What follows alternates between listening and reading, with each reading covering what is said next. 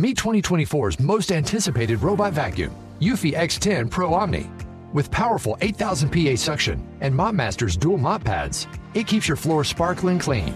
It's the winner of five Best of CES awards, and Digital Trends says it boasts almost all the same features as robot vacuums that cost twice as much. Want to know more? Go to eufy.com, that's EUFY.com, and discover X10 Pro Omni, the best in class all in one robot vacuum for only $799. Allsvenska podden, det är tisdag mitt emellan omgångar, vi har ju en midweek-omgång som det kallas snart på gång. Makoto Asara heter jag, sitter här tillsammans med Hugo Månsson och Josip Ladan. Hur är läget med er? Mycket bra tack Det är bra, det är bra. Jag är lite raspig bara men i, i övrigt är det väldigt lugnt Du har väl lite småraspig röst annars också? Ja, li, lite men just idag är det lite extra så att det är, jag vet inte, den som, eh, om någon tycker att den är, den är till välbehag Så får de jättegärna höra av sig så kan jag fortsätta ha den ett, i kommande avsnitt. Påminner lite om Nordman.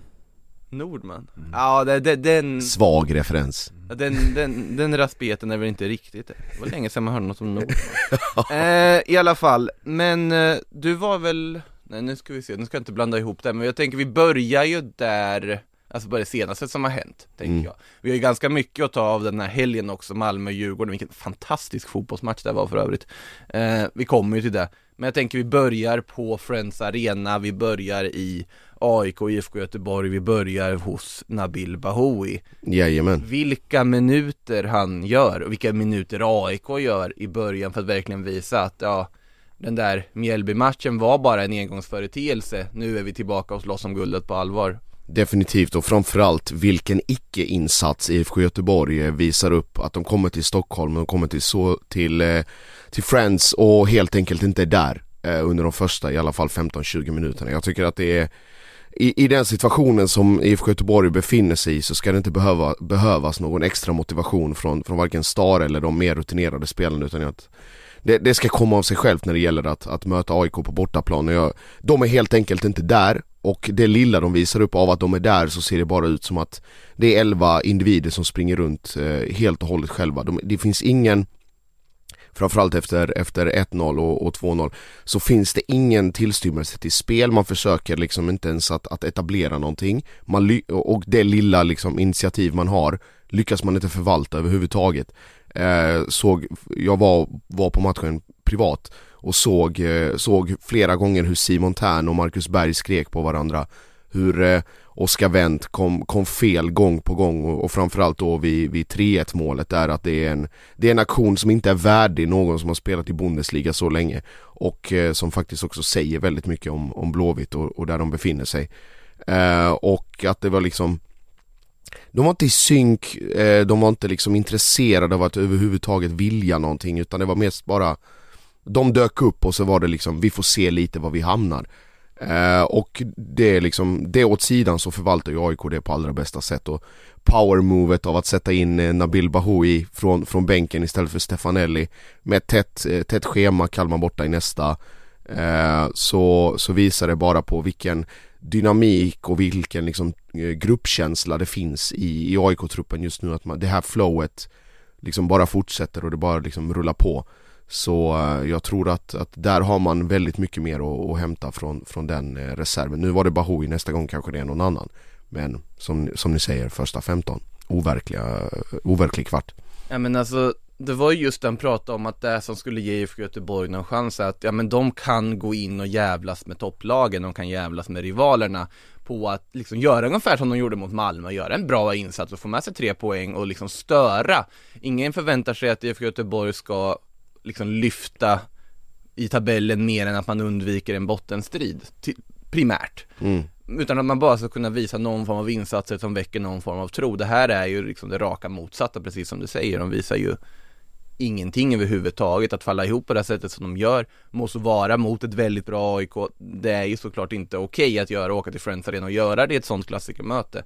Oskar Wendt var ju den första som sa det också efter liksom att, ja, Alltså det, det är för dåligt av mig, han tog på sig och var liksom helt knäckt efter den här förlusten För han var väl inte med på att en sån här svag insats, att han skulle kunna göra det liksom i en sån match Sen Ja, han måste ju förstått när han slår den där dåliga liksom bakåtbollen att åh oh, nej just det, Otieno på den här kanten, skit också. Exakt. Då kommer han ju liksom som ett ånglok och springer förbi och nätar. Men 3-1 totalt i AIK alltså i den matchen som eh, då spatserar upp i tabellen och återigen får anses vara en av de hetaste guldkandidaterna, till och med den hetaste eller vad, vad tycker ni? Ja det tycker jag nog Mm. Uh, men det där svänger ju varenda omgång ja, ja, exakt. Um, så, så nästa vecka kan vi, kan vi nog sitta här och såga AIK uh, Men uh, nej, med det sagt så tycker jag faktiskt att de är hetast Jag tycker att de nu under en, ja men de, några månaders period har, har sett klart starkast och stabilast ut. Medan Malmö har varit ganska ojämna och tappat viktiga poäng i slutskeden av matcher. Djurgården verkar ha hittat tillbaka nu efter efter um, derbyförlusten mot AIK Elfsborg, uh, ja, en, ett oroväckande resultat. Mm. Vi kommer till det också, vi ja. kommer till Elfsborg-matchen Alltså AIK ser nog uh, starkast ut, men uh, Malmö och Djurgården kan nog ge dem en uh, bra match.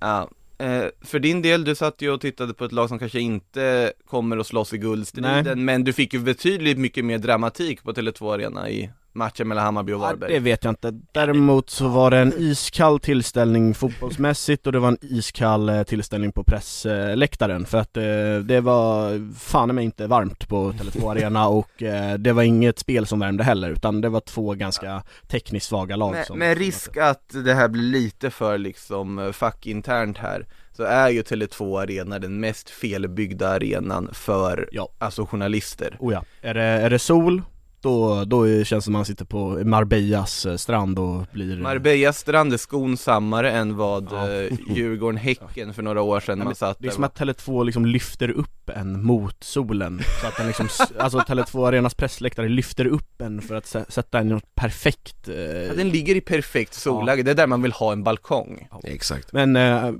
för internt, eh, tror jag eh, vi, vi, ska verkligen inte gnälla utan vi är privilegierade som får gå på, på fotboll ehm, oavsett.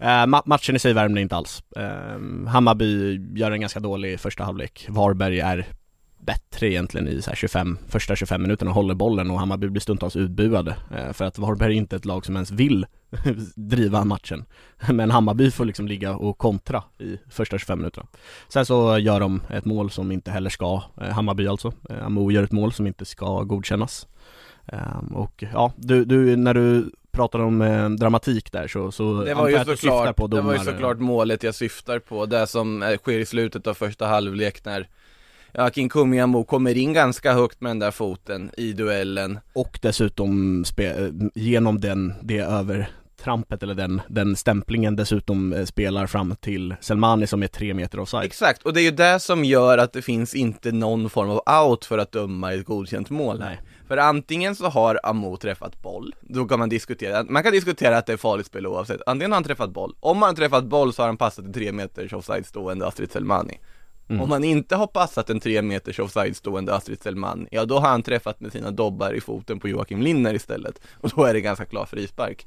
Så att man, men det var på något sätt både förvånande och befriande att se det fullkomliga raseriet hos Varberg efteråt Och, och framförallt Stojan Lukic.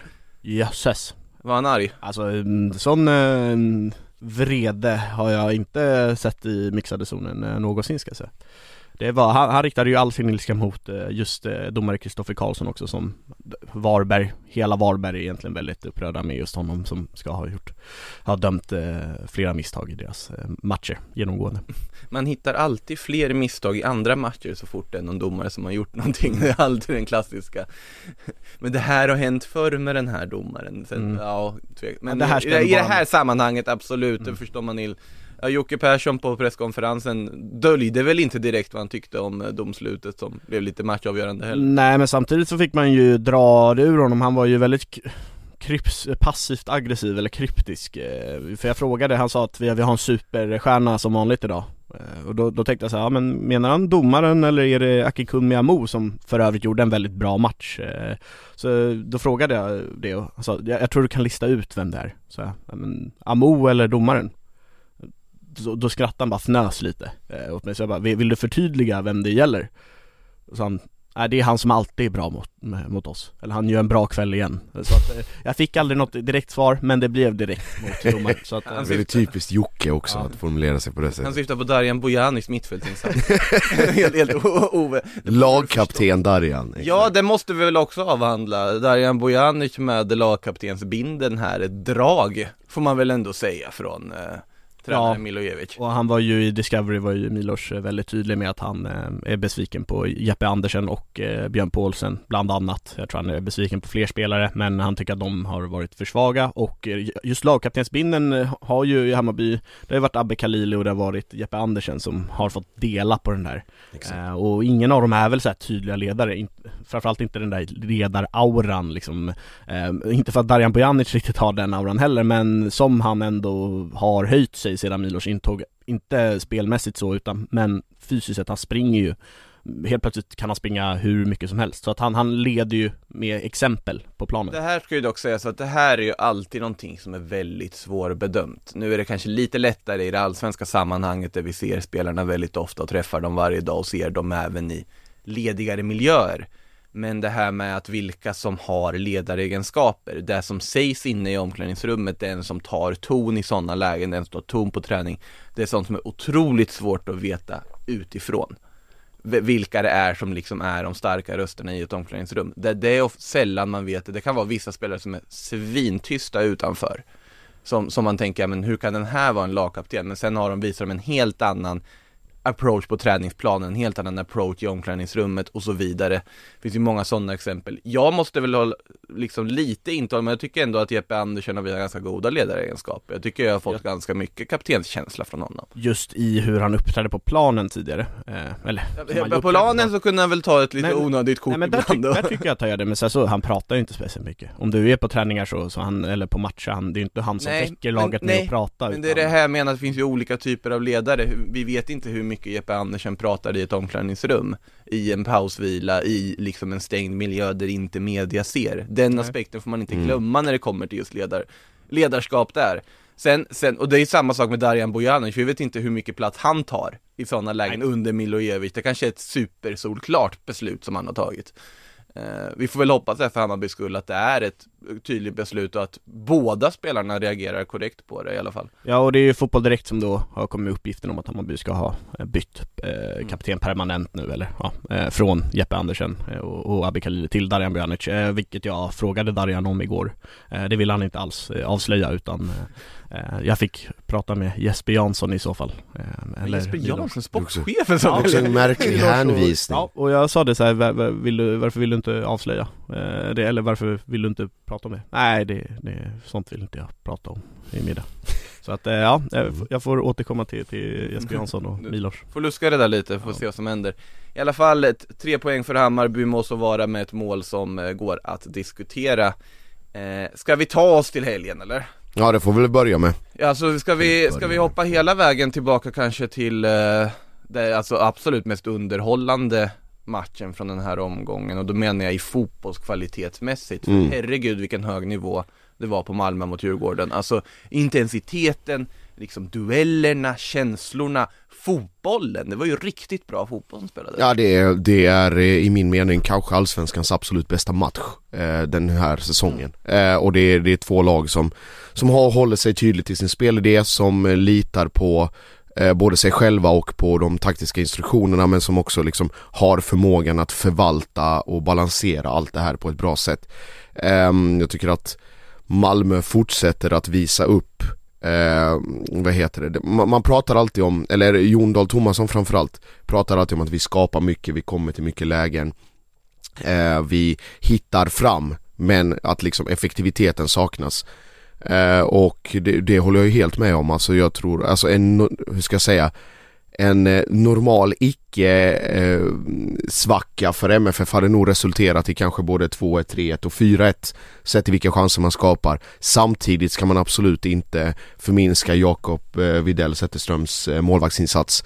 Han svarar kanske för den enskilt bästa insatsen en, en målvakt har gjort i den här serien den här säsongen och är direkt avgörande för att Djurgården överhuvudtaget får med sig en poäng.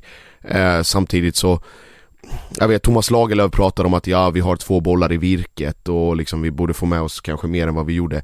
Jag vet inte riktigt om jag delar den bilden för att Malmö är så pass både liksom spelmässigt och, och taktiskt i perioder överlägsna Djurgården och Djurgårdens enda liksom eh, sätt att, att hålla sig kvar i matchen är bara vilja och, och liksom eh, offensivlusta från framförallt Harry Stradetinen som jag tycker steppar upp och, och, och gör en väldigt bra match och som framförallt axlar eh, axlar den rollen som Magnus Eriksson lämnar efter sig när han blir punktmarkerad av AC eh, hela matchen eh, och liksom har ett övertag på Beijmo, Felix Beijmo egentligen från minut ett och, och visar tydligt att det här är min match, jag triggas av publiken, jag triggas liksom av, av stämningen och eh, gör det väldigt, väldigt bra. Um, så att, eh, nej återigen Malmö 6 poäng på 6 matcher.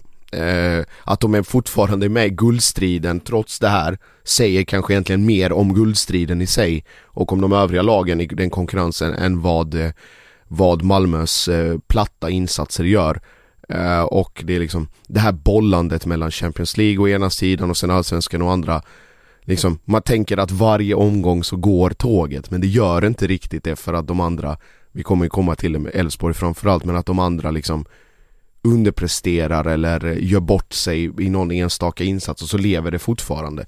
Så att, eh, ja men eh, kvalitetsmässigt som du säger, alltså det, det är en, eh, den, bästa, den bästa insatsen i år. Och du, du får ju så rätt också i det där. Jag, jag vet, jag följde eh, åsikterna efter matchen där. Jon Thomasson tyckte att, han var, att Malmö var dominanta. Thomas Lagerlöf vill inte gå med på det.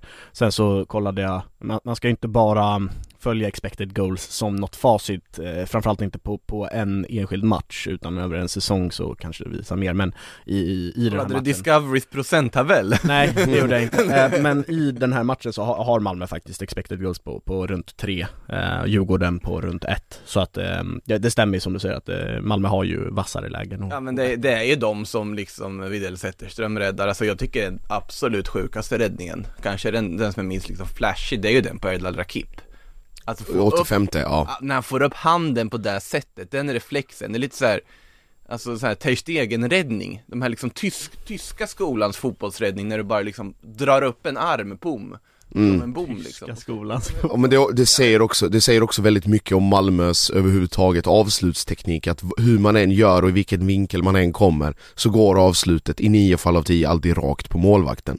Och Erdal i det läget liksom att han har både liksom det är ganska mycket utrymme, Widell sätter som är ganska sen ut han hinner liksom både placera den högt eller lågt eller vilken sida han vill och ändå hamnar mitt på honom eh, Colak som är liksom, håller på att ramla baklänges när han nickar den och, och sätter Zetterström rensar undan på Egentligen lyfter ur den ur målet om man ska liksom ur den vinkeln. Så att Ja de kommer till lägen, ja de skapar mycket men skärpan är ett, ett akut problem för Malmö FF Eh, och effektiviteten liksom i att, i att förvalta de, de lägena de får. Det jag vet inte, alltså sen, sen Antonio Colak blev uttagen i det kroatiska landslaget så har han inte liksom varit sig lik om man jämför med, med tidigare sett till um, effektiviteten och de här kliniska liksom avsluten. Visst, han gör ett straffmål och det är, det är iskallt i sig att lyfta upp den i, i det vänstra krysset trots, en, trots väntan och Radetinas och Berget som står och tjafsar lite där men ett straffmål är ett straffmål men det ska komma från, från det öppna spelet också. Och nu det resulterar ju att han inte heller blir kallad till det kroatiska landslaget i nästa samling utan är reserv. Så att eh, han har nog en, en, del att fundera på och lika mycket som han har funderat på har nog Jon Dahl Tomasson också. det, det där är intressant, rätta mig om jag har fel här nu men visst var det så när Chola kom till Malmö då hade han varit i det kroatiska landslaget men ramlat ur det. Precis, gjort en landskamp i Nations ja. League. Då hade han kommit in i det och då på något sätt Med all respekt till allsvenskan, all respekt till Malmö En spelare som Antonio Colak hade nog inte tagit sig till allsvenskan om inte han på ett eller annat sätt inte levererat den senaste tiden. Alltså på den fulla nivån som man kanske kunde göra och då blir det lite så här, man vet ju, det är lite bristande kausalitet i det jag ska säga nu, men att han kanske är en typ av spelare som inte mår så bra att bli uttagen till landslaget för han underpresterar då liksom. Så blir av med platsen, kämpar tillbaka den och sen ut. Mm. Eh, bara en liten fundering som eh, inte har så mycket grund i övrigt, men Sitta och killgissa. Måste, måste ändå passa på att höja och hylla eh, Hjalmar Ekdal också som ja, gör mål för andra verkligen. matchen i rad och är väl allmänt dominant eh, just nu. Vilket alla inte kunde spå eh, när, när de värvade honom från eh, Hammarby som har gjort en allsvensk säsong i Sirius innan Ja, det är ju ypperlig värvning på alla Mm. sätt och vis, ypperlig scouting, ypperligt att se att han skulle passa så Ja. pass bra som han har gjort. Eh, så att, Vi är inte tidiga med den spaningen. Att Hjalmar Ekdal är en bra värvning heller, och det är inte det vi menar, men just den nivån av, han håller just nu när han i flera toppmatcher i rad eh, le- levererar på en väldigt hög nivå. Det, det är imponerande att se. Det, det är ju som spaningen, den där Antonio Colak är ändå en ganska bra Ja. forward. Den, spaningen också. Nej, men eh, från det vidare till, ja vi kan väl, alltså du nämnde ju Sirius där, vi kan väl konstatera att de vinner igen. Borta trummar mot på. Degerfors. Ja, det trummar verkligen på. Eh, Kouakou i målprotokollet, Netabay i målprotokollet, Degerfors med ny förlust också. Eh, ja, hur mycket ska man oroa sig för Degerfors tänker jag, för att nu, vi pratade ju om det tidigare också här, att de, Mm. De har ju inte en jättebra resultatrad på gång just nu. Nej, de är absolut eh, inblandade där nere i bottenstriden och deras form är, som du säger, som du är inne på, den är inte bra alls och hemma mot Sirius, med all respekt mot Sirius, alltså till Sirius så, så är ju det en match om Degerfors nu vill vara kvar så är ju det en match som de ska eh, Och måste ta, Ja, som de framförallt måste ta poäng, men framförallt kanske vinna om de vill, mm. ehm, om de vill ha säkerhet ner. Mm. Ehm, så ja. Nej men för att det, det är ju så liksom alla lag som är i någon form av, de kommer ju ha svackor och för ett bottenlag så är det viktigt att inte få långa svackor som verkligen i fel lägen som drar ner dem liksom rakt ner i skiten. Degerfors riskerar ju att göra det, men sen ska de vara tacksamma för att andra lag under dem inte heller lyckas riktigt ta de där poängen de behöver. Kan ju bland annat konstatera att, ja det är, sig, det är ju ännu en ny poäng för Mjällby, ännu en pinne in på Fyra, rak, protokollet. fyra raka utan insläppt mål Ja, för Mjällby. Det är starkt. Det är väldigt, väldigt starkt. Sons papper. Mm. Och framförallt eh, så, liksom, man, man pratade tidigare under säsongen om att Erik Björkander försvann och att Mm. stabiliteten i försvarsspelet saknades och det gjorde den Men samtidigt när man fått in eh, Carlos Moros Gracia det är, det, är en sån, alltså det är ett sånt lugn och en sån stabilitet och en trygghet som finns i den backlinjen I kombination med Carl-Johan Erikssons smått overkliga insatser match efter match efter match att han går in och är så pass hur ska jag säga, avgörande i så många lägen. Det, det är i allra högsta grad imponerande och man brukar ju, man brukar ju tjata och prata om att eh, man ska aldrig räkna ut eh, Mjällby i något sammanhang och det, det ska man absolut inte heller göra. Det är, som, det är väl snarare alla andra runt omkring som kan ge dem mer huvudbry än de själva för att de verkar ha fått det på plats. Men Östersund med seger mot Elfsborg, Degerfors som går lite knackigt, Örebro för att inte prata om. Jag sitter lugnt i ÖSK-båten fortfarande. Vi, Men- vi, ska, vi ska ta oss till den Ja. vi kommer dit, vi kommer dit. Nej men Det är inte lugnt. jag sitter väldigt lugnt. Nej men eh, Mjällby som sagt, de, de, har, de har fått grejerna på plats väldigt fort.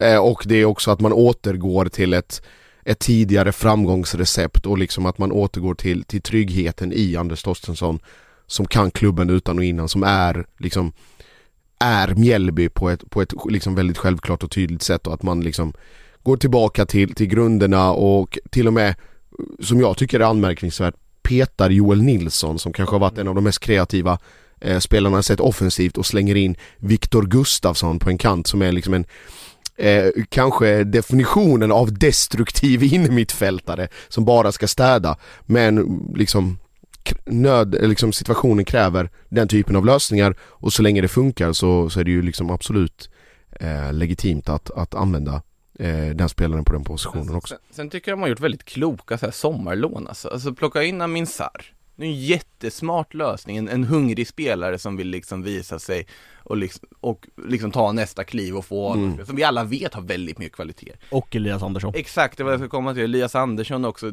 väldigt bra mittfältare. Ja, men det kan ju Otroligt komma bra som en eh, överraskning. Nej, det var också en sen spaning, men samtidigt ändå, som behöver speltid, som kan tänka sig komma dit för att få en ny start efter att inte riktigt kommit igång. Alla parter tjänar ju på det. Djurgården får en Ja. eh, spelare som får spela sig i form efter skade, en skadedrabbad säsong och Mjällby får en, eh, en kvalitativ innermittfältare Mm. som är hungrig. Det är som. Sirius och Dennis Widgren-dealen också. Jag gillar den typen av liksom, alltså spelare som vi alla vet är riktigt bra.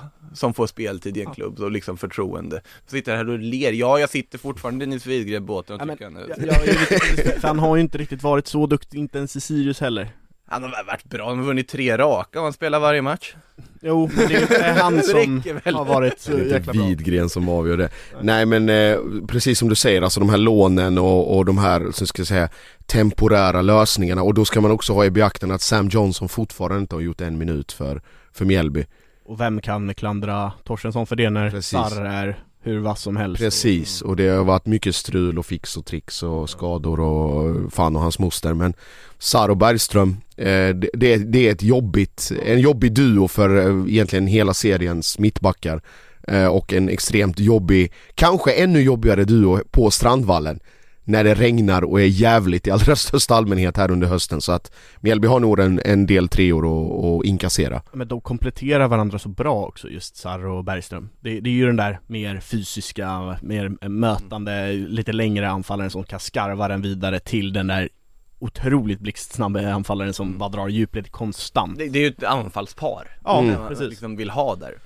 Eh, Jag satt och funderade på en helt annan sak, jag visste inte att det fanns ett Subway i Sölvesborg Det gör det inte. Det gör det inte, vad, vad, Nej. vad håller Jakob Bergström Bergst- på med då? Ah, Subway Karlskrona.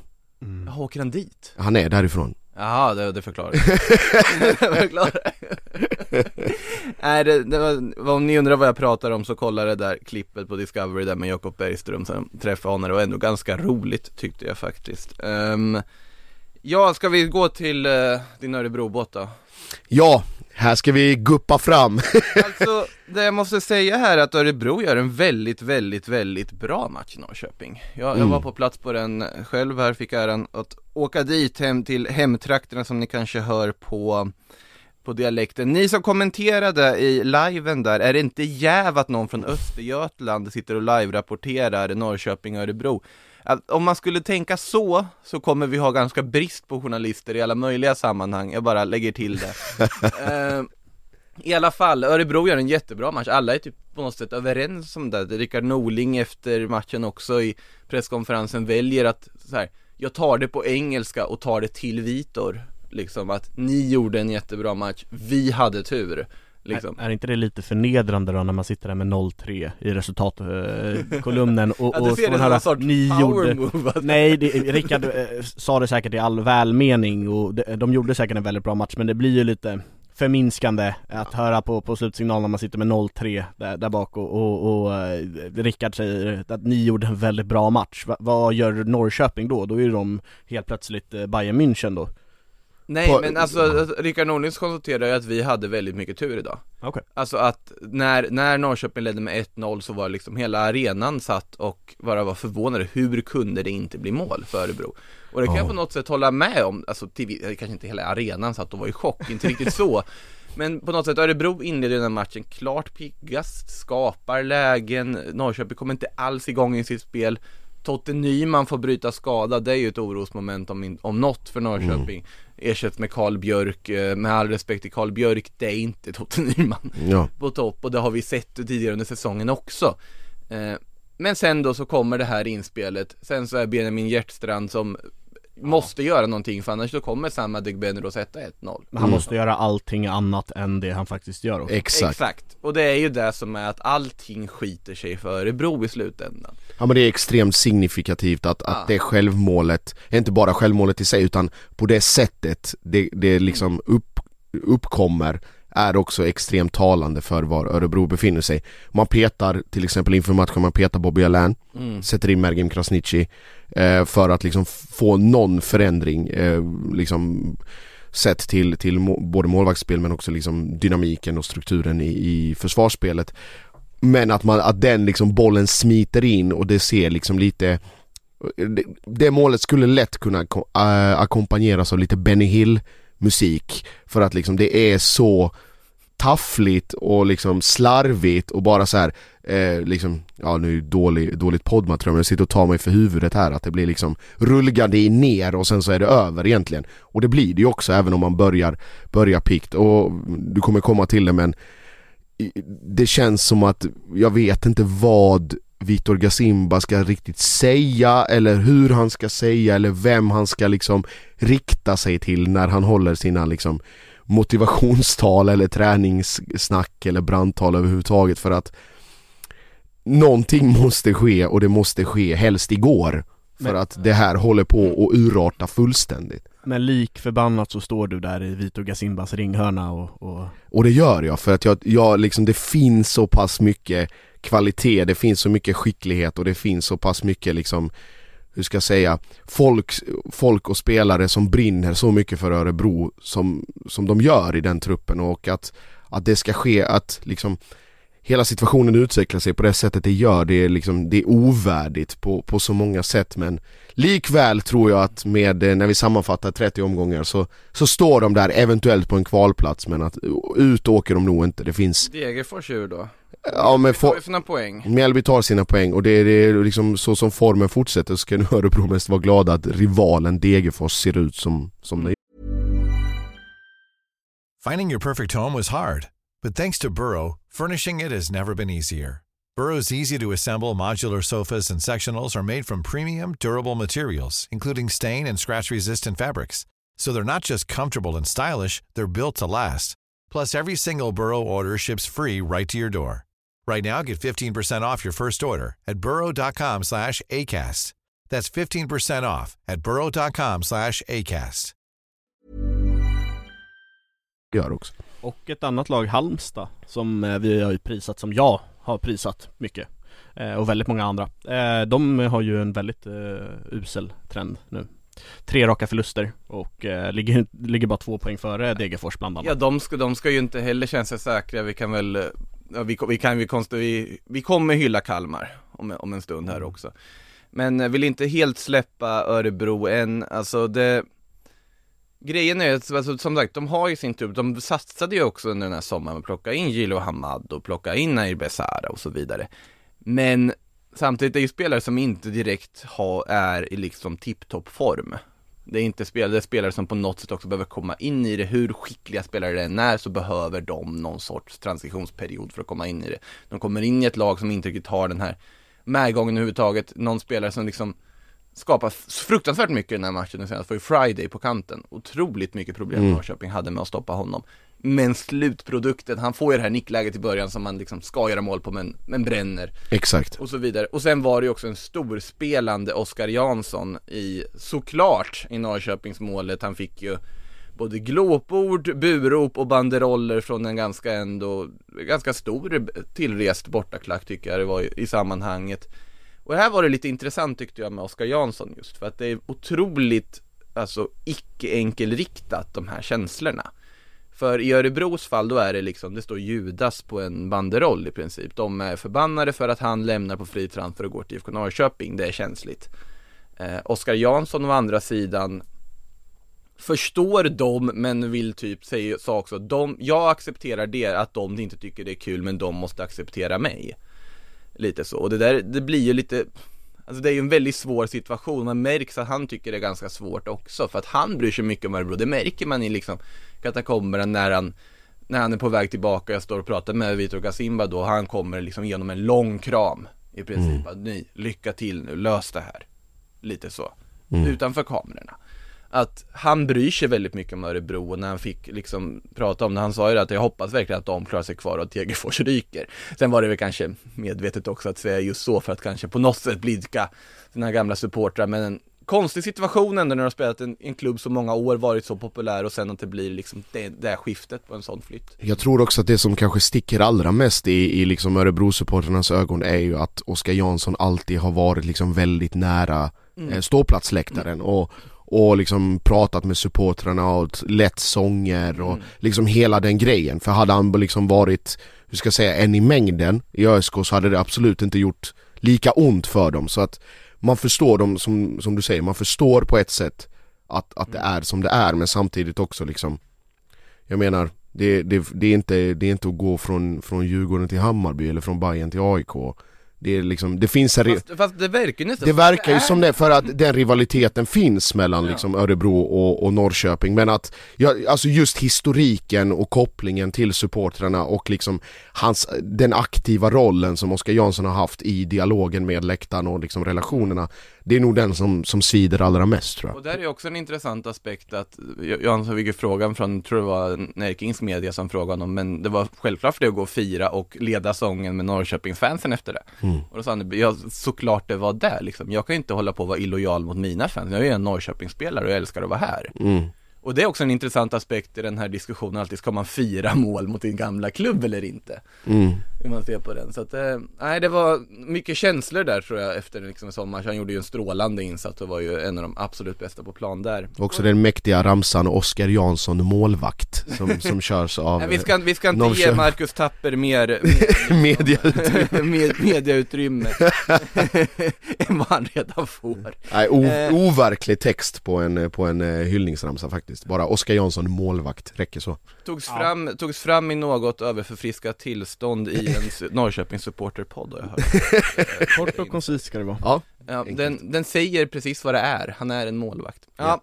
Eh, Norrköping hänger, smyger lite med, de har inte helt ändå gett upp hoppet på att kunna klättra i fatt där och kanske ge sig in i kampen om Europaplatserna. Och ett lag som bjudit in dem i den, kan man väl säga, det är ju Elfsborg. mm. För de åkte till Östersund, de skulle ta med sig tre poäng mot det här laget vi alla har sagt ska åka ur.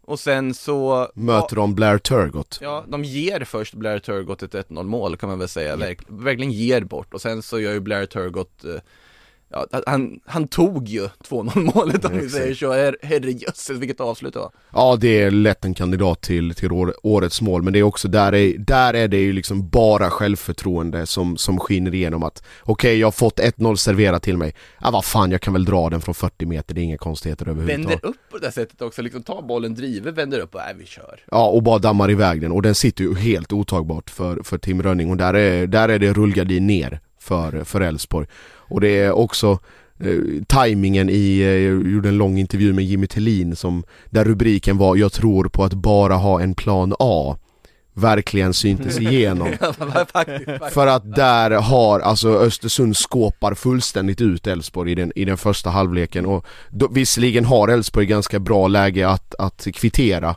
direkt efter eh, och där Ali Keita gör en, en monsterräddning med tåspetsen på Simon Olssons avslut eh, efter att Östersund har gjort 1-0 men de, de är helt enkelt inte där och det säger också Johan Larsson i intervjun efteråt att det är, en- det är en platt insats och eh, det, är liksom, det, det är inte okej att, att komma hit och bara tro att, att det ska lösa sig av sig självt.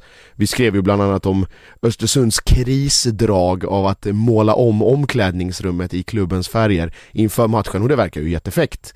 Ja, Så det är rött och svart och numera och gråa skåpluckor med spelarnas namn och Per-Joar Hansen pratade om att eh, jag hoppas att det här eh, förbättrar arbetsmiljön för spelarna och att de ska tycka om och tycka mer om att komma hit för att det var ingenting som talade för att det här var Östersunds FKs omklädningsrum innan, jag, innan vi gjorde detta. Så eh, i de mest desperata av tider så ska man kanske inte underskatta den här typen av, av punktinsatser som man valde att kalla det.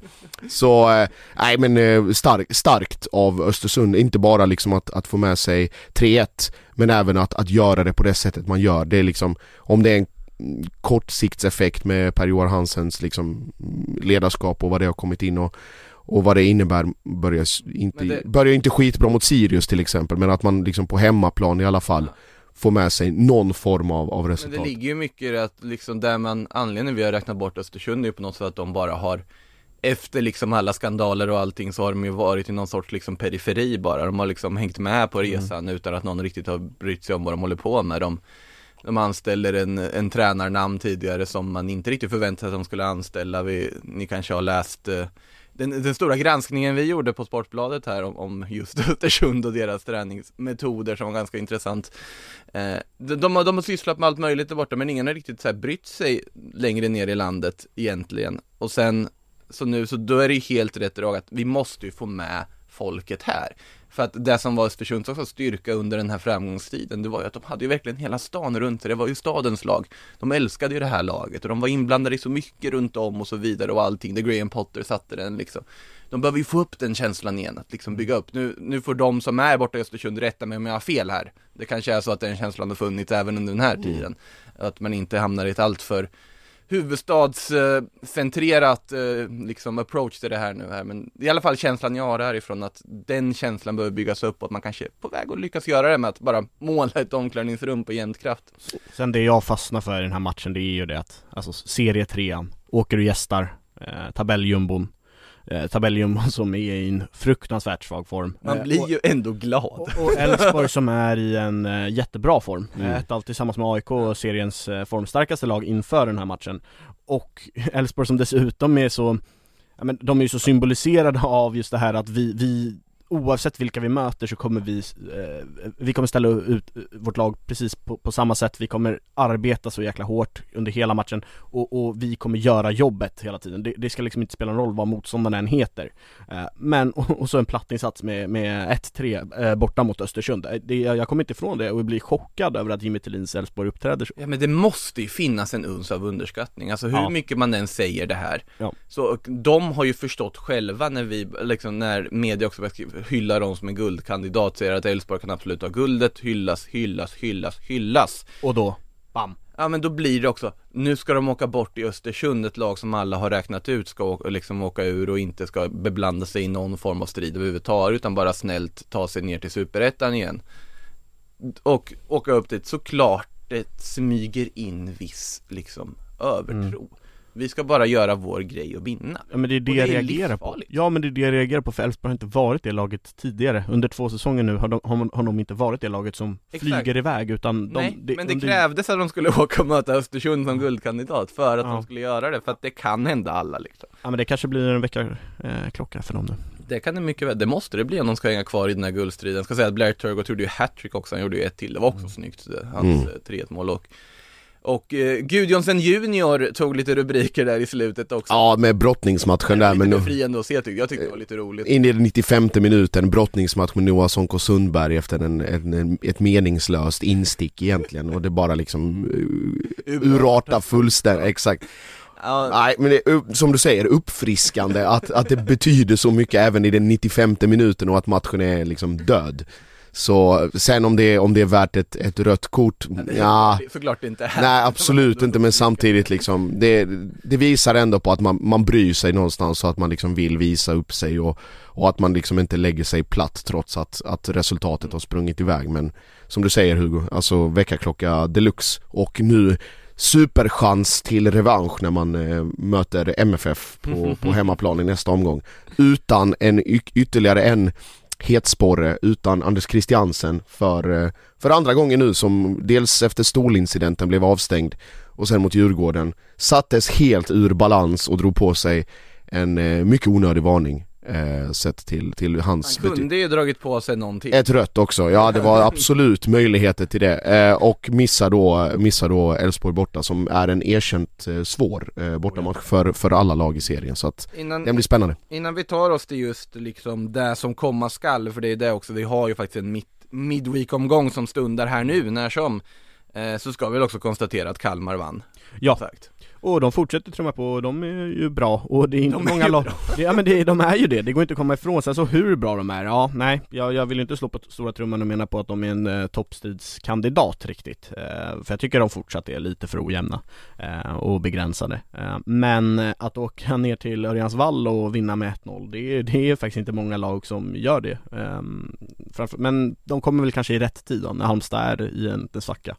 Eh, så, Men, men de, de gör det, de åker till Örjansvall och tar tre poäng Det är ju, det är ju ett ställe som är svårt att åka till och ta tre poäng Mm. Det är extremt svårt. Ja, och det är inte liksom Det är ingen så här, alltså offensivt fyrverkeri alla mot Degerfors Nej, nej, nej. Det är en liksom stabil 1-0-seger och oavsett vart de hamnar i den här tabellen Så kan vi ju konstatera att Alltså det, det finns så mycket positivt att ta med Det finns en framåtanda som inte har funnits i den där föreningen på väldigt länge just nu Men Bara- fra, framförallt en sån sak att Isak Jansson fortsätter att ta kliv.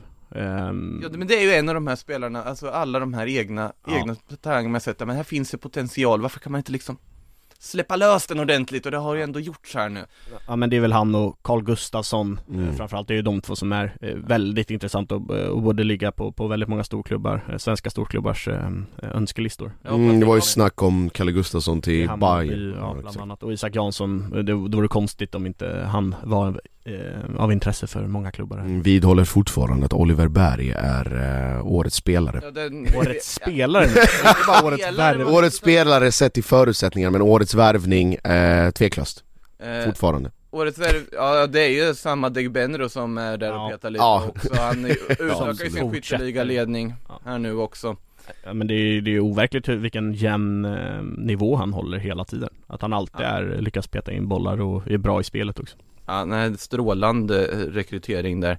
Måste bara nämna innan vi lämnar Kalmar att jag, jag är bara så glad att Lukas Hägg Johansson är bra igen. Alltså så här, det, han var ju en sån otroligt lovande målvakt, spännande målvakt. Jag vet när, när det var diskussioner där kring vem Norrköping skulle ersätta Mm. Isak Pettersson med. Mm. Då kändes, där och då kändes liksom Hägg Johansson är ett kanonval. Sen dök ju såklart Oskar Jansson var ett superval där också. Mm.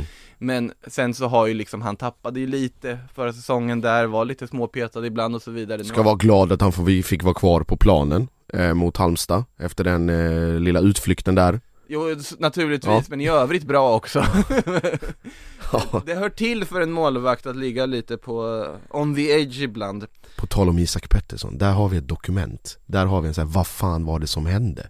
Till Toulouse. Ja, Mm. Han har inte fått speltiden. Han... överhuvudtaget. Nej, det, det är synd för en otroligt spännande, Ja, duktig ja, målvakt. ja, att det han är det. inte riktigt fått, fått utväxling man har hoppats på kanske i Toulouse där. Han är väl en av de som eh, målvakter som drar mest skada av sin längd Även fast det egentligen inte spelar speciellt stor roll alls eh, För att han är ju jättebra linjemålvakt, han är jättebra på, på Längden spelar inte speciellt stor roll Ja. men jag kan tänka mig ute internationellt att där går de väl också på, på längdmått vad det står i ditt Och pass det är väldigt tråkigt för hela den här Isak Pettersson är för kort debatten som Mm. pågick under hela tiden han var Exakt. i Norrköping Den tystades ju av att han vann årets mål Ja, ja. två år i rad. Ja, han var ju, han var ju hur bra som helst så att det, Ja. det gör ju ingen fakt men jag kan tänka mig att andra internationella klubbar tittar Mm. Ja, Fast alltså man vill väl ha, ja i och för sig, alla försöker ju köpa lång, långa målvakter nu Tänker jag i och för sig också Ja.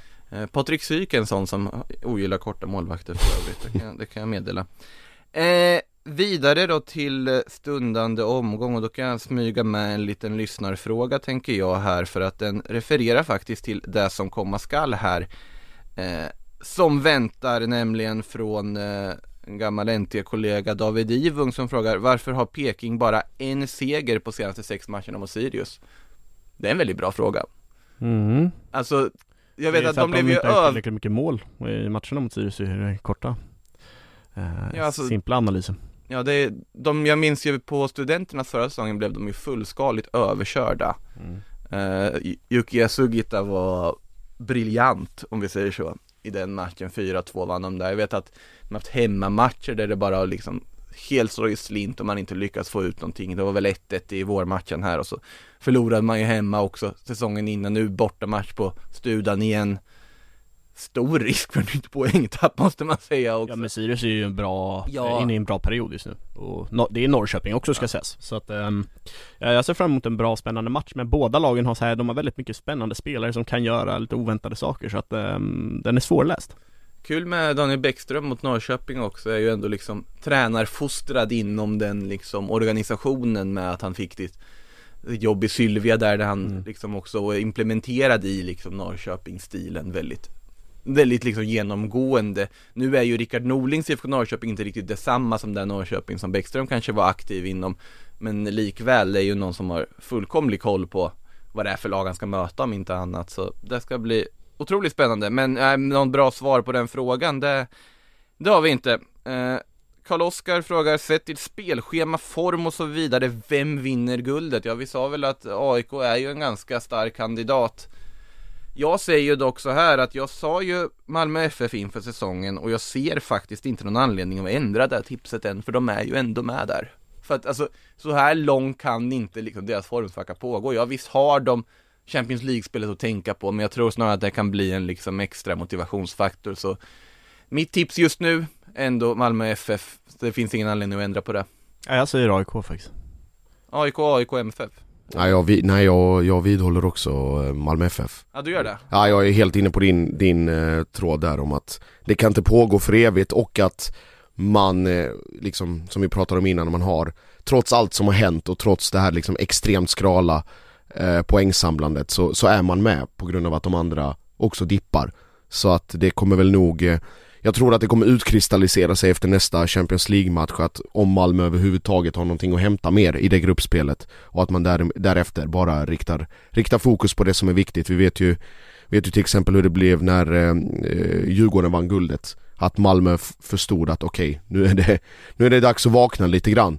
Eh, och liksom levde in i sista omgången med SM-guldet där. Så att eh, de är, det, det är en för, liksom det finns för mycket, för mycket kvalitet där för att de ska schabbla bort det Alltså med tanke på hur många omgångar som är kvar Men nu ligger det inte i deras händer heller Alltså så de schabblar inte bort någonting utan de måste jaga och det Ja, Jag kan ju Ja, också det ju, det är såklart också läsa 11 matcher kvar. Ja, ja Ja. absolut. Ja, det är inte så att jag sitter och säger att det är, det är AIKs guld att förlora nu Mm. Utan det, jag ser att både Malmö, AIK och Djurgården har eh, delvis även Elfsborg men, men ja De tre, framförallt de tre lagen har alla i stort sett lika goda möjligheter att vinna guldet Men jag tycker att det finns, du, du pratar om kvaliteten, ja Mm. AIK har också framförallt en extremt hög lägstanivå och jag ser inte dem de blir snarare bara bättre i stora matcher Mm. Och nu verkar de dessutom, förutom Mjällby då, så, så verkar de bara rulla på och ta seger efter seger och sen så har, förlåt att jag avbryter, sen har AIK också ett derby mot Djurgården kvar och Malmö på bortaplan och i Mal- där ska man inte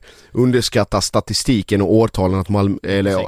AIK har ju inte vunnit i Malmö sedan 1996 så att Mm. det är nu, spelar nog in Då är det väl del på också. tiden nu. Exakt Exakt, om inte när nu Men det skulle, det skulle samtidigt förvåna mig, alltså inte ett dugg förvåna mig om Degerfors vinner med 3-0 liksom när de möter, möter AIK hemma liksom. Jo, det Man, man, man, vet ju in, ja, men man vet ju ingenting av vad som pågår i den här serien stundtals så att, och det är just därför vi har den här guldstriden vi har. Med det sagt så jag kommer ha all anledning att revidera min eh, grundtips ifall Elfsborg nu skulle liksom revanschera sig här mot Malmö för då blir ju avståndet ganska långt ändå. Mm. mm. Eh, I övrigt har, har vi att vänta Djurgården, just Degerfors nämnde jag, Djurgården ska möta dem hemma här nu. Inget kul schema för Degerfors att ha Nej. Djurgården, AIK som väntar sen eh, erkänt starka Varberg på bortaplan Mm. där Ja den är otäck på hösten Framförallt. Åka till Varberg och spela, Uff, uff. En kall oktoberkväll i Varberg, kanske med fulla läktare då, det är ju efter restriktionerna har släppt. Exakt. eh, Ja, Sveriges Stoke. Malmö nämnde vi, ja just det, Örebro, Östersund på tal om otäck Au, där snackar, det är ångesten osar ända in i rummet här Där vi sitter och, och spelar in alltså, det... Fy fasen vilken, eh, vilket mörker för, för båda lagen Men det var som, alltså jag skulle säga, alltså momentumet ligger på Östersunds sida på att de får den här segern och ska in och de inte har något att förlora egentligen på så vis. Mm. Att nu kör vi bara. Och jag tror, jag tror att hade det varit omvända förhållanden, vill säga att Östersund är hemmalag Så tror jag att de hade vunnit den här matchen ganska enkelt Nu, nu är man liksom, nu ska man ändå åka till Örebro och med all den press och stress och, och frustration som finns i, i klubben så tror jag på att det här kan bli ganska, ganska ful tillställning om jag ska vara helt ärlig. Det finns mycket temperament och, och ilska att, Det gäller ju bara att det inte blir liksom ful på det viset att man tar ett rött kort i minut 20. Nasi, göra en, en Nasiro Moro och åka på Exakt, tre det- matcher. Det hade ju inte varit så bra kanske för dem. Det hade ju varit också talande för Örebros säsong om de skulle få den. Eller som Vitor Gasimba beskrev det, all this shit som vi alltid får emot oss i alla matcher om det så är stolpträffar, bortdömda mål eller eh, självmål eller röda kort eller vad det nu är för någonting. Men här är det ju också Benjamin Hjertstrand eh, efter matchen, han som gjorde självmålet där mot Norrköping, han sa ju det också att nu ska vi bara åka och mosa Östersund, vad det han sa. Ja, det är väl kanske lite fel eh, inställning. Jag förstår att de ska vinna men att åka och mosa Östersund när man läcker som ett såll bakåt och knappt gör ett mål framåt.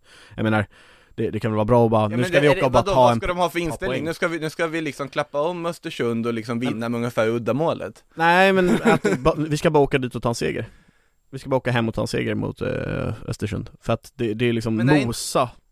Det- ah, jag, jag håller inte med dig där. Okej. Alltså jag känner att det är väl just det de behöver är väl Jag behöver jag men det är väl lite fel inställning att förvänta sig en Nej, inte för, ja, men, ja men att ha den inställningen, vi ska gå in och liksom bara dominera den här Ja, matchen. okej. Det Där är väl kan vi rätt sträcka oss, ja. inställning Tycker jag, det snarare än vi, vi ska ångestdrabbat försöka att Det- kämpa till oss en 1-0 seger Om de går in med den inställningen, då kommer de inte lyckas. Nej. Så att eh, där håller jag väl inte helt med, men jag förstår vad du menar. Det, Mm. det är svårt att tänka sig att de kommer lyckas mosa, men inställningen måste ju vara att mosa på så vis.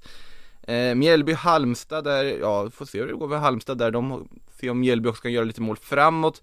Hammarby, IFK Göteborg, spännande tillställning såklart där för, eh, Inte direkt för alltså, inte för guld- tabellen Nej, bara för att det är två stora lag och Ja, kan Göteborgs kräftgång fortsätta? Kan Hammarby vinna två matcher i rad? mm. Eh, Ja, Och AIK ska ju tas bort. Kalmar också. Det är en väldigt tuff match som jag tycker eh, är spännande på förhand. Kalmar-AIK eh, Verkligen. Två formstarka lag. Eh, och kan AIK liksom acceptera det faktum att Kalmar kommer vara bollförande på Guldfågeln. Det kommer vara kallt, det kommer vara mörkt. Det, det, Kalmar Men kommer det är också en styra plats och som väcker goda minnen för AIK det är det.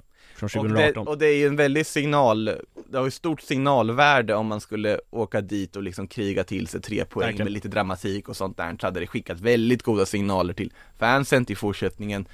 Nu är vi tillbaka på GFA, tar de här tre poängen, kanske inte storma planen den här gången. Nej och nu har man inte Robin Jansson med sig heller. De har ju inte Robin Jansson, som är från Bengtsfors om Ja, jo. Sagan. Sagan, just det. Sagan, resan som Robin Jansson, han går väl bra där borta i MLS, han får Ja. speltid, han, har faktiskt lyckats på alla sätt och vis där och får spelade en viktig del av Orlando, om han fortfarande är kvar där, får rätta mig om jag har fel. Ja, jag vet faktiskt inte. Han är från Bengtsfors i alla fall, det vet jag. Att notera Eh, med det sagt så är det väl dags att bara runda av så att vi hinner eh, hantera de här veckomatcherna. Eh, Allsvenska podden tillbaka inom snar framtid såklart och för att redogöra för det som inträffade där och våra funderingar. Tack Hugo Månsson, tack Josip Ladan, tack, Tack ni lyssnare och på återseende. Du har lyssnat på en podcast från Aftonbladet. Ansvarig utgivare är Lena K Samuelsson.